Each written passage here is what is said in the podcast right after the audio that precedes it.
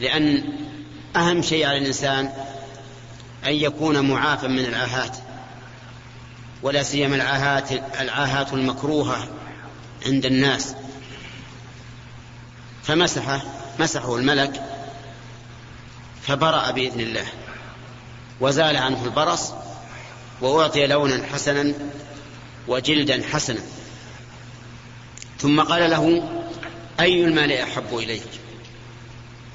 قال الإبل أو قال البقر والظاهر أنه قال البقر لأنه في في قصة الأقرع أعطي البقر فيكون هذا أعطي الإبل. فأعطاه ناقة عشرة وقال له بارك الله لك فيها فذهب عنه الفقر وذهب عنه العيب البدني ودعا له الملك بأن يبارك الله له في هذه الناقة. ثم أتى الأقرع وقال له أي شيء أحب إليك؟ قال شعر حسن. ويذهب عنا الذي قدر الناس. فمسحه فأعطي شعرا حسنا وقيل له أي المال أحب إليك؟ قال البقر. فأعطي بقرة حاملا وقال له بارك الله لك فيها. وسيأتي إن شاء الله بقية القصة في الرجل الثالث وهو الأعمى حتى يتم ذلك. والله أعلم. الحمد لله رب العالمين والصلاة والسلام على نبينا محمد وعلى آله وصحبه أجمعين. قال رحمه الله تعالى فأتى الأعمى فقال أي شيء أحب إليك؟ قال أن يرد الله إلي بصري فأبصر الناس فمسحه فرد الله إليه بصره. قال فأي المال أحب إليك؟ قال الغنم. فأعطي شاة والدا فأنتج هذا وولد هذا وولد هذا فكان لهذا واد من الإبل ولهذا واد من البقر ولهذا واد من الغنم. ثم إنه أتى الأبرص في صورته وهيئته فقال رجل مسكين قد قد انقطعت بي الحمال في سفري فلا بلاغ لي اليوم إلا بالله ثم بك. أسألك بالذي أعطاك اللون الحسن والجلد الحسن والمال بعيرا أتبلغ به في سفري. فقال الحقوق كثيرة. فقال كأني أعرفك ألم تكن أبرص يقدرك الناس فقيرا. فأعطاك الله ألم تكن أبرص يقدرك الناس فقيرا؟ ألم تكن أبرص يقدرك الناس فقيرا فأعطاك الله فقال إنما ورثت هذا المال كابرا عن كابر. فقال إن كنت كاذبا فصيرك الله إلى ما كنت. وأتى الأقرع في صورته وهيئته فقال له مثل ما قال لهذا ورد عليه مثل ما رد هذا فقال إن كنت كاذبا فصيرك الله إلى ما كنت. وأتى الأبرص في صورته و... وأتى الأبرص في وأتى الأعمى وأتى الأعمى في صورته وهيئته فقال رجل مسكين وابن سبيل انقطعت بي الحبال في سفري فلا بلاغ لي اليوم إلا بالله ثم بك. أسألك بالذي رد عليك بصرك شاة أتبلغ بها في سفري. فقال قد كنت أعمى فرد الله إليك بصر قد كنت أعمى فرد الله إلي بصري فخذ ما شئت ودع ما شئت فوالله لا أجهدك اليوم بشيء أخذته لله عز وجل فقال أمسك مالك فإنما ابتليتم فقد رضي الله عنك وسخط عن صاحبيك متفق عليه. بسم الله الرحمن الرحيم. في بقية حديث أبي هريرة رضي الله عنه عن النبي صلى الله عليه وسلم في قصة الثلاثة الذين من بني إسرائيل وأراد الله أن يبتليهم وهم أبرص وأقرع وأعمى. وسبق لنا ذكر ذكر الأبرص والأقرع وأن الأول أعطي ناقة عشراء والثاني أعطي بقرة حاملا. الأعمى جاءه الملك فقال له أي شيء أحب إليك؟ قال أن يرد الله إلي بصري فأبصر به الناس. هذا أحب شيء أن يزيل الله عنه هذا العيب. وهو العمى فيبصر الناس. وتأمل قول الأعمى أن يرد الله إلي بصري فأبصر به الناس. فإنه لم يسأل إلا بصرا يبصر به الناس فقط. أما الأبرص والأقرع فإن كل واحد منهم منهما تمنى شيئا أكبر من الحاجة. جلدا حسنا ولونا حسنا وشعرا حسنا ليس مجرد شعر أو مجرد جلد أو لون بل تمنيا شيئا أكبر. أما هذا فإن عنده زهدا لم يت لم يسأل إلا بصرا يبصر به الناس فقط. ثم سأله أي المال أحب إليه؟ قال الغنم وهذا أيضا من زهده. لم يتمنى الإبل ولا البقر بل الغنم ونسبة الغنم إلى الإبل والبقر قليلة. فأعطاه, فأعطاه شاة والدا وقال بارك الله لك فيها. فبارك الله سبحانه وتعالى للأول في إبله وللثاني في بقره وللثالث في غنمه. وصار لكل واحد منهما واد من مما أعطي. للأول واد من الإبل وللثاني واد من البقر وللثالث واد من الغنم يعني شعيب كامل. ثم إن هذا الملك أتى الأبرص في صورته وهيئته صورته البدنية وهيئته الرثة ولباسه لباس الفقير. وقال له إني رجل فقير وابن سبيل قد انقطعت بي الحبال في سفري فلا بلاغ لي اليوم إلا بالله ثم بك. توسل إليه بذكر حاله أنه فقير وأنه ابن سبيل مسافر وأن الحبال الأسباب التي توصله إلى أهله قد انقطعت به وأنه لا بلاغ له إلا بالله ثم به. أسألك بالذي أعطاك الجلد الحسن والمال بعيرا أتمتع به في سفري ولكنه قال الحقوق كثيرة. بخل بذلك مع أنه أن له واديا من الإبل لكن قال لكنه قال الحقوق كثيرة وهو فيما يظهر والله أعلم أنه لا يؤدي شيئا منها. لأن هذا أحق من يكون. مسافر فقير انقطعت به الحبال هو من أحق ما يكون ومع ذلك تعذره. فذكره بما كان عليه من قبل.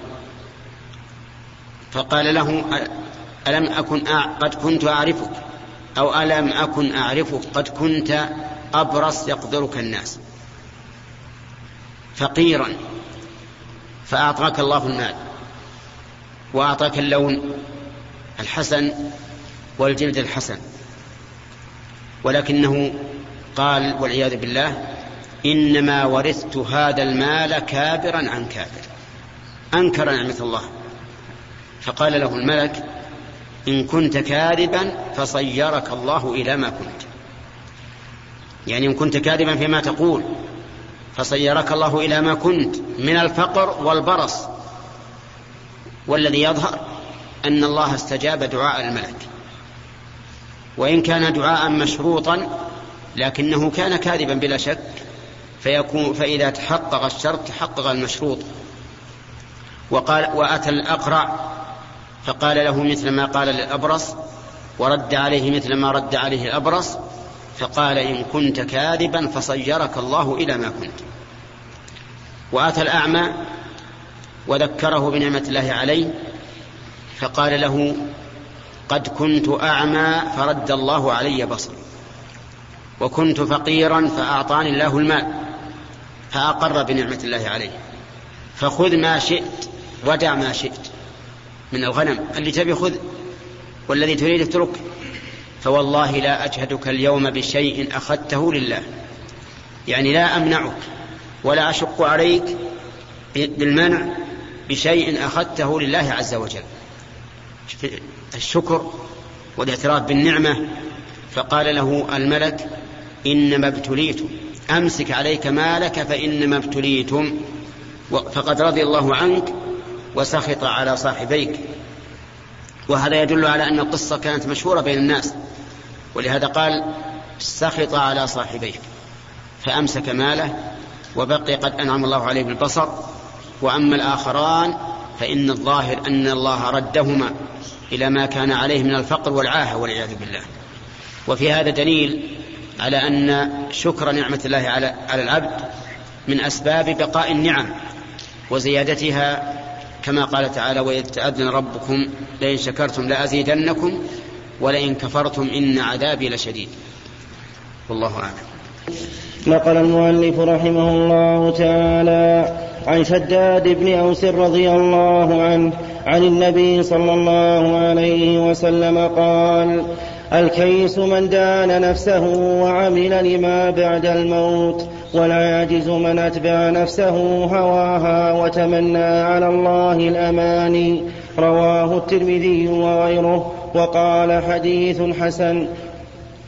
ومعنى ومعنى دان نفسه أي حاسبها. رحيم سبق لنا حديث أبي هريرة رضي الله عنه فيما أخبر به النبي صلى الله عليه وسلم عن النفر الثلاثة من بني إسرائيل الأبرص والأقرع والأعمى. وفي قصتهم آيات من آيات الله عز وجل منها إثبات الملائكة. والملائكة هم عالم غيبي خلقهم الله عز وجل من نور. وجعل لهم قوة في تنفيذ أمر الله وجعل لهم إرادة في طاعة الله. فهم لا يعصون الله ما أمرهم ويفعلون ما يؤمرون. ومنها أن الملائكة قد قد يكونون على صورة بني آدم. فإن الملك أتى لهؤلاء الثلاثة بصورة إنسان. ومنها أيضا أنه أنهم آن الملائكة يتكيفون بصورة الشخص المعين كما جاء إلى الأبرص والأقرى والأعمى في المرة الثانية بصورته وهيئته. ومنها أيضا أنه يجوز الاختبار للإنسان بأن يأتي الشخص على هيئة معينة ليختبره. فإن هذا الملك جاء على صورة الإنسان المحتاج المصاب بالعاهة ليرق له هؤلاء الثلاثة مع أن الملك فيما يبدو والعلم عند الله لا يصاب في الأصل بالعاهات. ولكن الله سبحانه وتعالى جعلهم يأتون على هذه الصورة من أجل الاختبار. ومنها من الفوائد فيه أن الله أن الملك مسح الأبرص والأقرع والأعمى مسحة واحدة فأزال الله عيبهم بهذه المسحة. لأن الله سبحانه وتعالى إذا أراد شيئا قال له كن فيكون. ولو شاء الله سبحانه وتعالى لأذهب عنهم العاهة بدون هذا الملك ولكن الله سبحانه وتعالى جعل هذا سببا للابتلاء والامتحان. ومنها أن الله تعالى قد يبارك للإنسان بالمال حتى ينتج منه الشيء الكثير. فإن هؤلاء النفر الثلاثة صار لواحد واد من الإبل وللثاني واد من البقر وللثالث واد من الغنم. وهذا من بركة الله. وقد دعا الملك دعا لكل واحد منهم بالبركة. يعطيه البقر أعطى, أعطى الأول بعيرا وقال بارك الله لك فيها والثاني أعطاه بقرة وقال بارك الله لك فيها والثالث أعطاه شاة وقال بارك الله لك فيها. ومنها تفاوت بني آدم في شكر نعمة الله ونفع عباد الله. فإن الأبرص والأقرع وقد أعطاهم الله المال الأهم والأكبر جحد نعمة الله. قال إنما ورثنا هذا المال كابرا عن كابر وهم كذبة في ذلك فإنهم كانوا فقراء وأعطاهم الله المال لكنهم والعياذ بالله جحدوا نعمة الله. وقالوا هذا من آبائنا وأجدادنا. أما الأعمى فإنه شكر نعمة الله واعترف لله بالفضل ولذلك وفق وهداه الله وقال للملك خذ ما شئت ودع ما شئت. ومنها أيضا إثبات الرضا والسخط لله سبحانه وتعالى أي أنه يرضى على من شاء ويسخط على من شاء وهو من الصفات التي يجب على الإنسان أن يثبتها لربه سبحانه وتعالى لأنه لأن الله وصف بها نفسه. ففي القرآن الكريم رضي الله عنهم ورضوا عنه. وفي, وفي القرآن الكريم أن سخط الله عليهم وفي العذاب هم خالدون. وفي القرآن العظيم الغضب وغضب الله عليه ولعنه. وهذه الصفات وأمثالها يؤمن بها أهل السنة والجماعة بأنها ثابتة لله على وجه الحقيقة ولكنها لا تشبه صفات المخلوقين. كما أن الله نفسه عز وجل لا يشبه المخلوقين فكذلك صفاته لا تشبه صفات المخلوقين. ومن فوائد هذا الحديث أن في بني إسرائيل من العجب والآيات ما جعل النبي صلى الله عليه وسلم ما جعل النبي صلى الله عليه وسلم ينقل لنا من أخباره حتى نتعظ ومثل هذا الحديث قصة النفر الثلاثة الذين لجأوا إلى غار فانطبقت عليهم صخرة من الجبل فسدت عليهم الغار وعجزوا عن زحزحتها وتوسل كل واحد منهم إلى الله تعالى بصالح عمله. فالنبي عليه الصلاة والسلام يقص علينا من أنباء بني إسرائيل ما يكون فيه الموعظة والعبرة.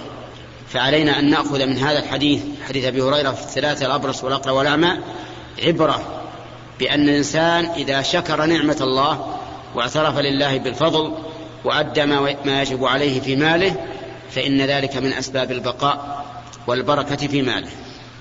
والله موفق.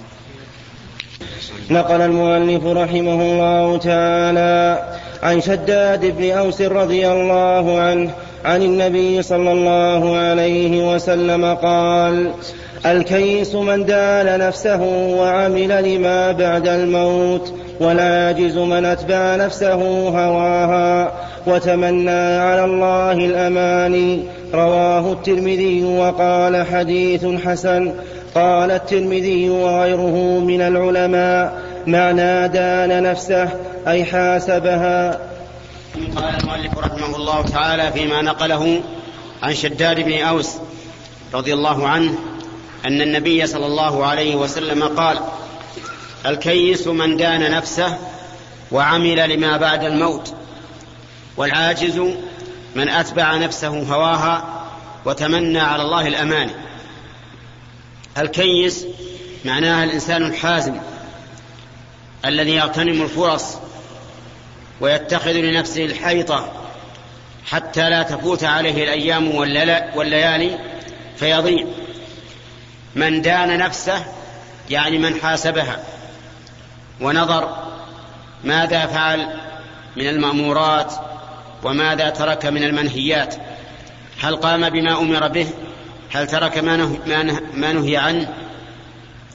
إذا رأى من نفسه تفريطا في الواجب استدركه.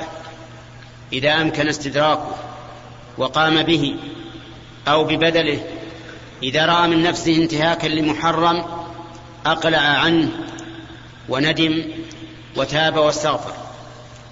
وقول عمل لما بعد الموت يعني عمل للآخرة لأن كل ما بعد الموت فهو من الآخرة. وهذا هو هذا هو الحق والحزم أن الإنسان يعمل لما بعد الموت. لأنه في هذه الدنيا مار بها مرورا. والمآل هو ما بعد الموت.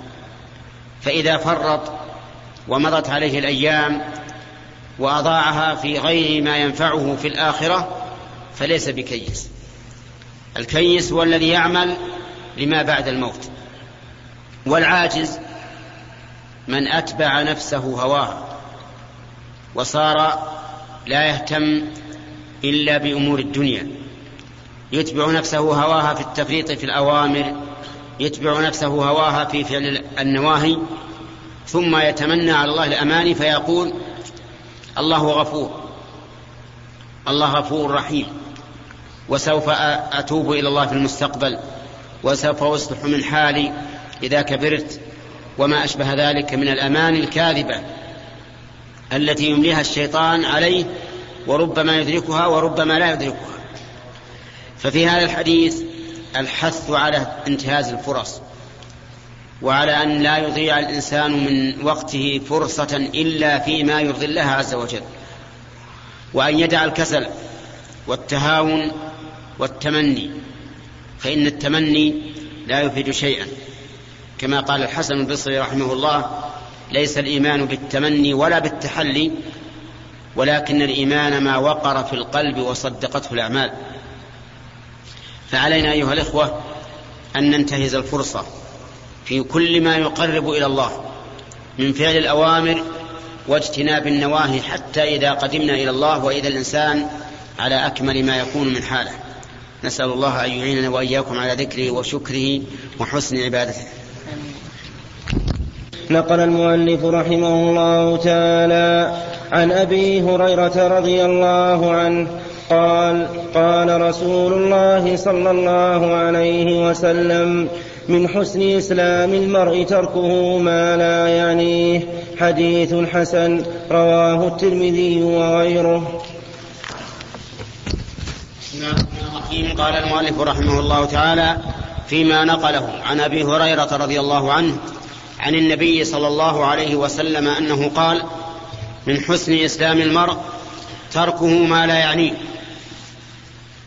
إسلام المرء هو استسلامه لله عز وجل ظاهرا وباطنا. فأما باطنا فاستسلام العبد لربه إصلاح عقيدته وإصلاح قلبه وذلك بأن يكون مؤمنا بكل ما يجب الإيمان به على ما سبق في حديث جبريل. وأما الاستسلام ظاهرا فهو إصلاح عمله الظاهر كأقواله بلسانه وأفعاله بجوارحه. والناس يختلفون في الإسلام اختلافا ظاهرا كثيرا كما أن الناس يختلفون في أشكالهم وصورهم.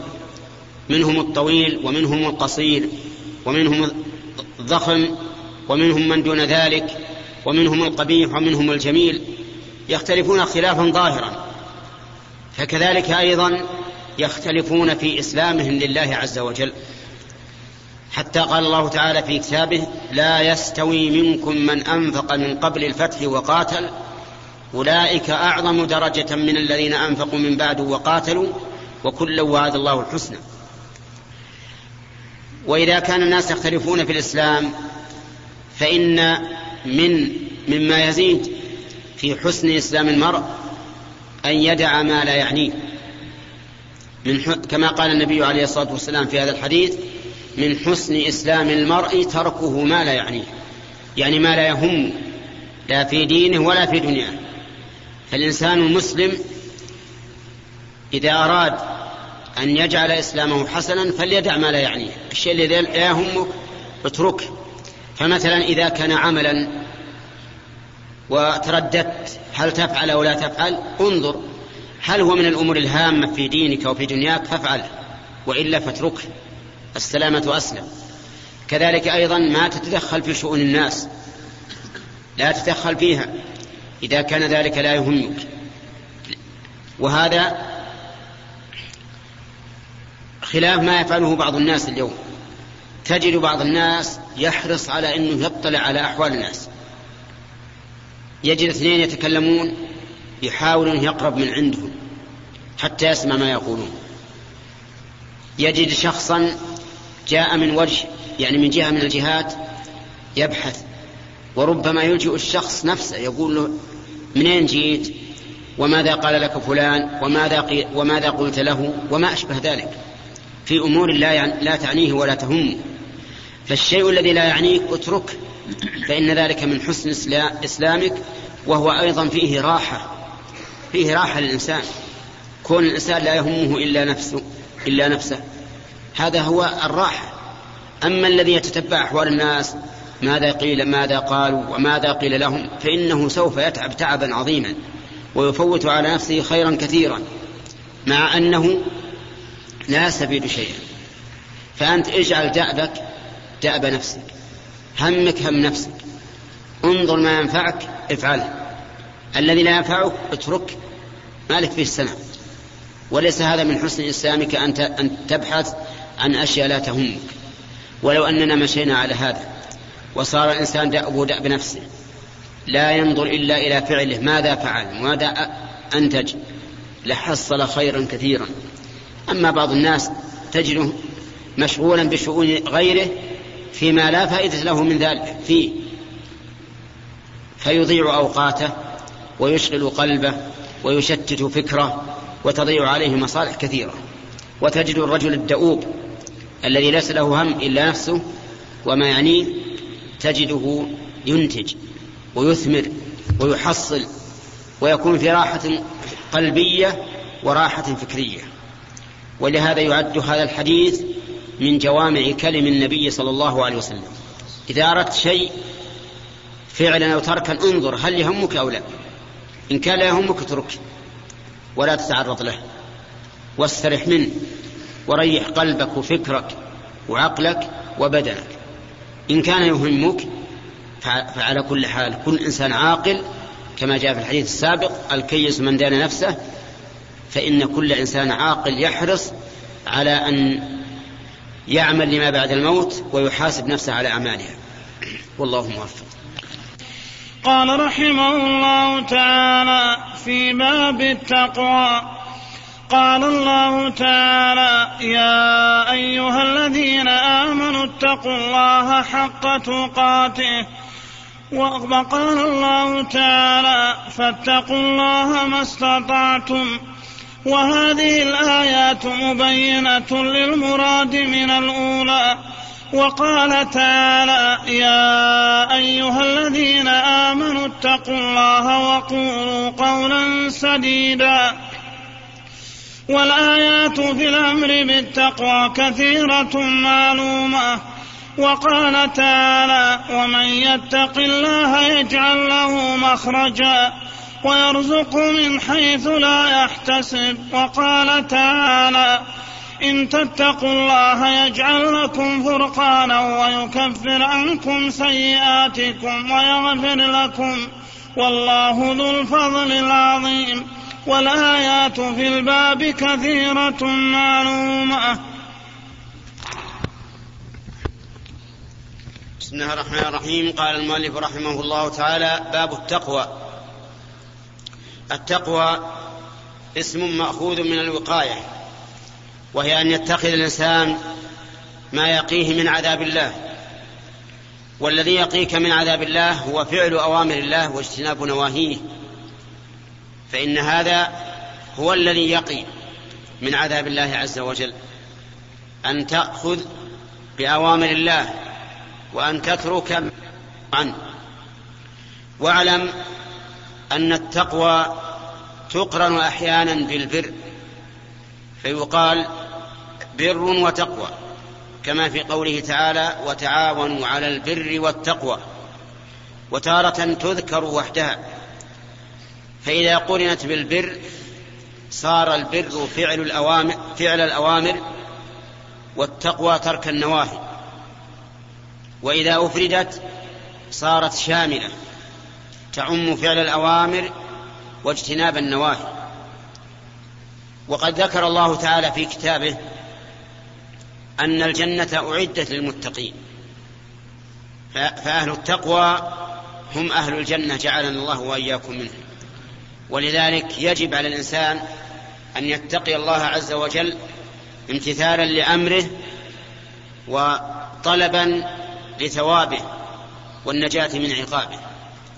ثم ذكر المؤلف في هذا آيات متعددة. منها قوله تعالى يا أيها الذين آمنوا اتقوا الله حق تقاته. يا أيها الذين آمنوا اتقوا الله حق تقاته. فوجه الأمر إلى المؤمنين لأن المؤمن يحمله إيمانه على تقوى الله وقال اتقوا الله حق تقاته. وحق التقوى.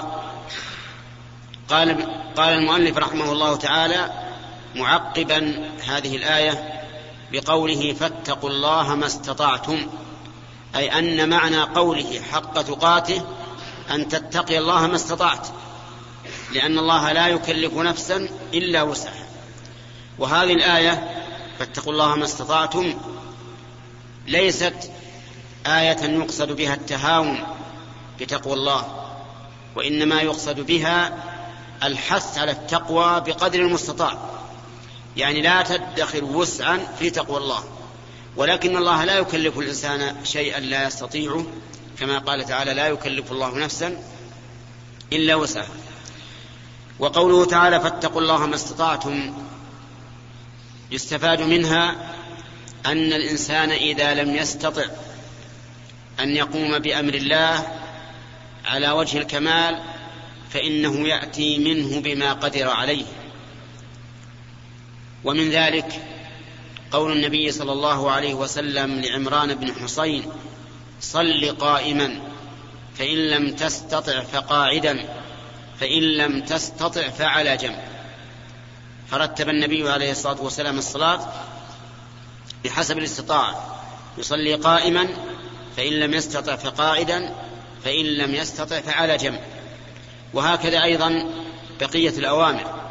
الصوم إذا لم يستطع الإنسان أن يصوم في رمضان فإنه يؤخره. ومن كان مريضا أو على سفر فعدة من أيام أخرى. في الحج أيضا ولله على الناس حج البيت من استطاع إليه سبيلا. فإذا لم تستطع الوصول إلى البيت فلا حج عليك لكن إن كنت قادرا بمالك دون بدنك وجب عليك أن تقيم من يحج عنك ويعتمر عنك. الحاصل أن التقوى كغيرها منوطة بالاستطاعة. فمن, فمن لم يستطع شيئا من أوامر الله فإنه يعدل إلى ما يستطيع. ومن اضطر إلى شيء من محارم الله حل له ما ينتفع به في دفع الضرورة. لقوله تعالى وقد فصل لكم ما حرم عليكم إلا ما اضطررتم إليه. حتى إن الرجل لو اضطر إلى أكل لحم الميتة أو أكل لحم الخنزير أو أكل لحم الحمار أو غير ذلك من المحرمات فإنه يجوز له أن يأكل من ما تندفع به ضرورته.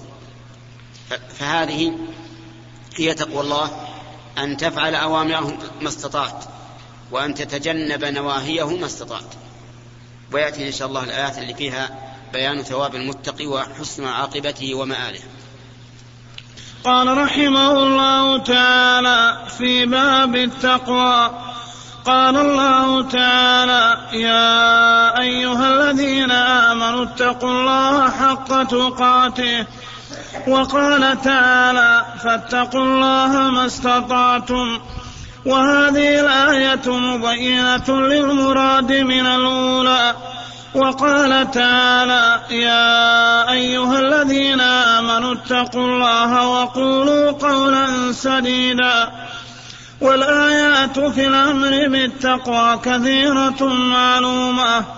وقال تعالى ومن يتق الله يجعل له مخرجا ويرزق من حيث لا يحتسب. وقال تعالى إن تتقوا الله يجعل لكم فرقانا ويكفر عنكم سيئاتكم ويغفر لكم والله ذو الفضل العظيم. والآيات في الباب كثيرة معلومة. الله الرحمن الرحيم. قال المؤلف رحمه الله تعالى وهو يسوق الآيات أو بعضا من آيات التقوى في فوائدها وحكمها. تقدم لنا الكلام على على آيتين من آيات الله وهي قوله تعالى يا أيها الذين آمنوا اتقوا الله حق تقاته وقوله تعالى فاتقوا الله ما استطعتم.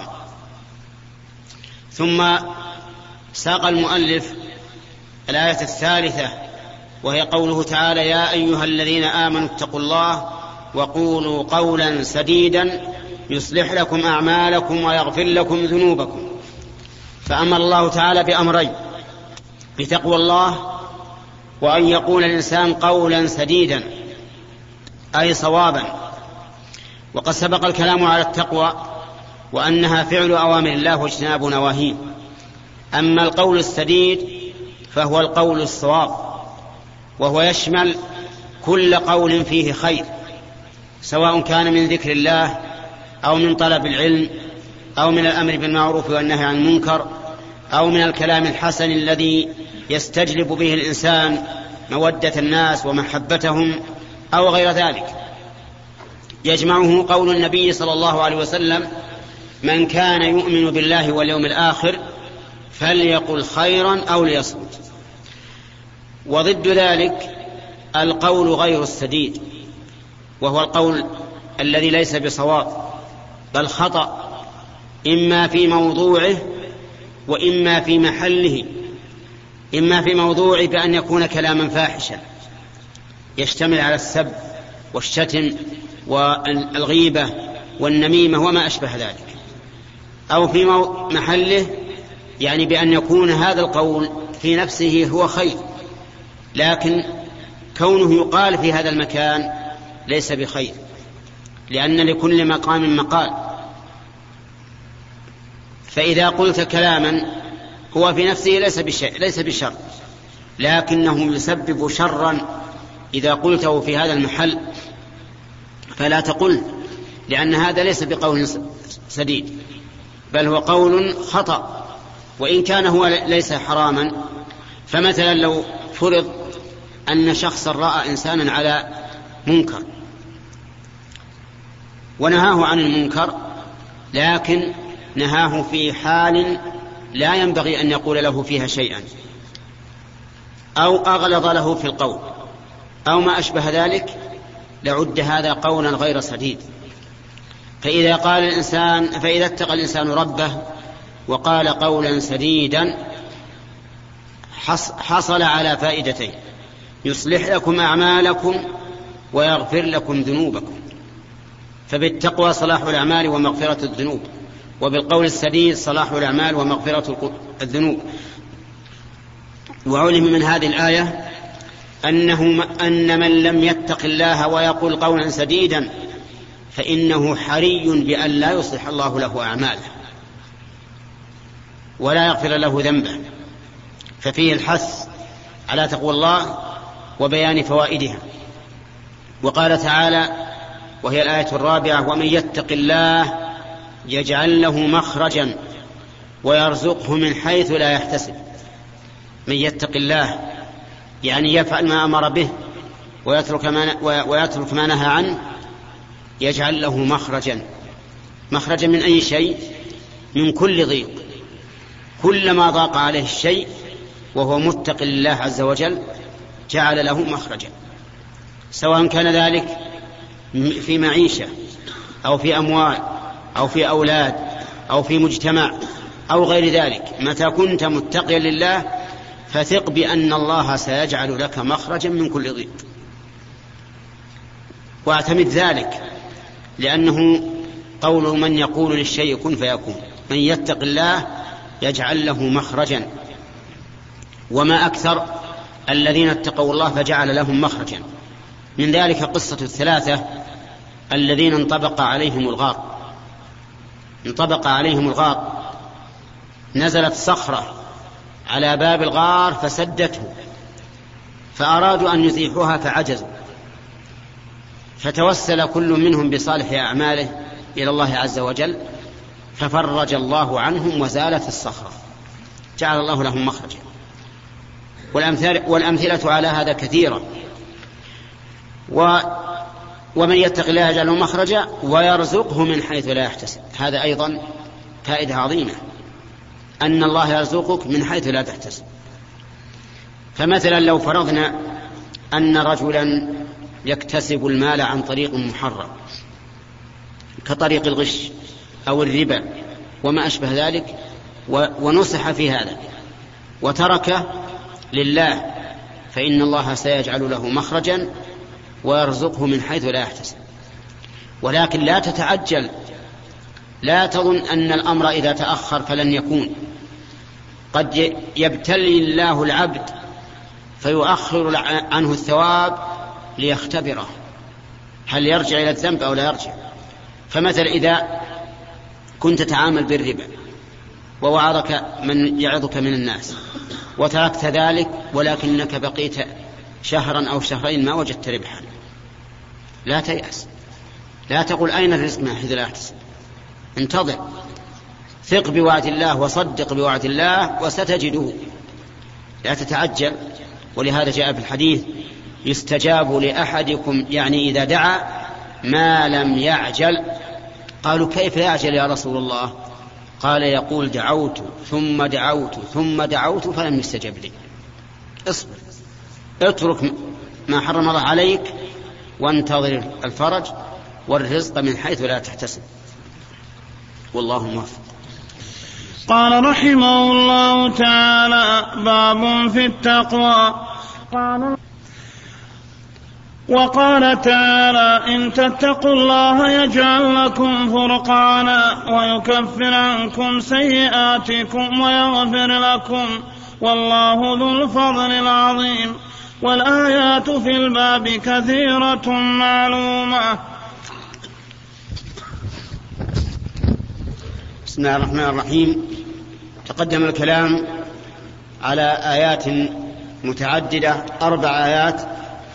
في التقوى وحكمها وبيان ما فيها وما لها من الثمرات. أما هذه الآية الخامسة فهي قوله تعالى يا أيها الذين آمنوا إن تتقوا الله يجعل لكم فرقانا ويكفر عنكم سيئاتكم ويغفر لكم والله ذو الفضل العظيم. هذه ثلاث ثلاث فوائد عظيمة. الفائدة الأولى يقول يجعل لكم فرقانا أي يجعل لكم ما تفرقون به بين الحق والباطل وبين الضار والنافع وهذا يدخل فيه العلم بحيث يفتح الله على الإنسان من العلوم ما لا يفتحها لغيره. فإن التقوى يحصل بها زيادة, زيادة الهدى وزيادة العلم وزيادة الحفظ. ولهذا يذكر عن الشافعي رحمه الله أنه قال شكوت إلى وكيع سوء حفظي فأرشدني إلى ترك المعاصي وقال أعلم بأن العلم نور ونور الله لا يؤتاه عاصي ولا شك أن الإنسان كلما ازداد علما ازداد معرفة وازداد فرقانا بين الحق والباطل وبين الضار والنافع. وكذلك يدخل فيه ما يفتح الله على الإنسان من الفهم. فإن التقوى سبب لقوة الفهم. وقوة الفهم يحصل بها زيادة العلم. فإنك ترى الرجلين يحفظان آية من كتاب الله. يستطيع أحدهما أن يستخرج منها ثلاثة أحكام مثلا ويستطيع الآخر أن يستخرج أربعة خمسة عشرة أكثر بحسب ما آتاه الله من الفهم. فالتقوى إذن سبب لزيادة الفهم. ويدخل في ذلك أيضا الفراسة. أن الله يعطي المتقي فراسة يميز بها حتى بين الناس بمجرد ما يرى الإنسان يعرف أنه كاذب أو صادق أنه بر أو فاجر حتى إنه ربما يحكم على الشخص وهو لم يعاشره ولم يعرف عنه شيئا بسبب ما أعطاه الله من الفراسة. ويدخل في ذلك أيضا ما يحصل للمتقين من الكرامات التي لا تحصل لغيرهم. بهذا الشريط أحبابنا ينتهي هذا الشريط.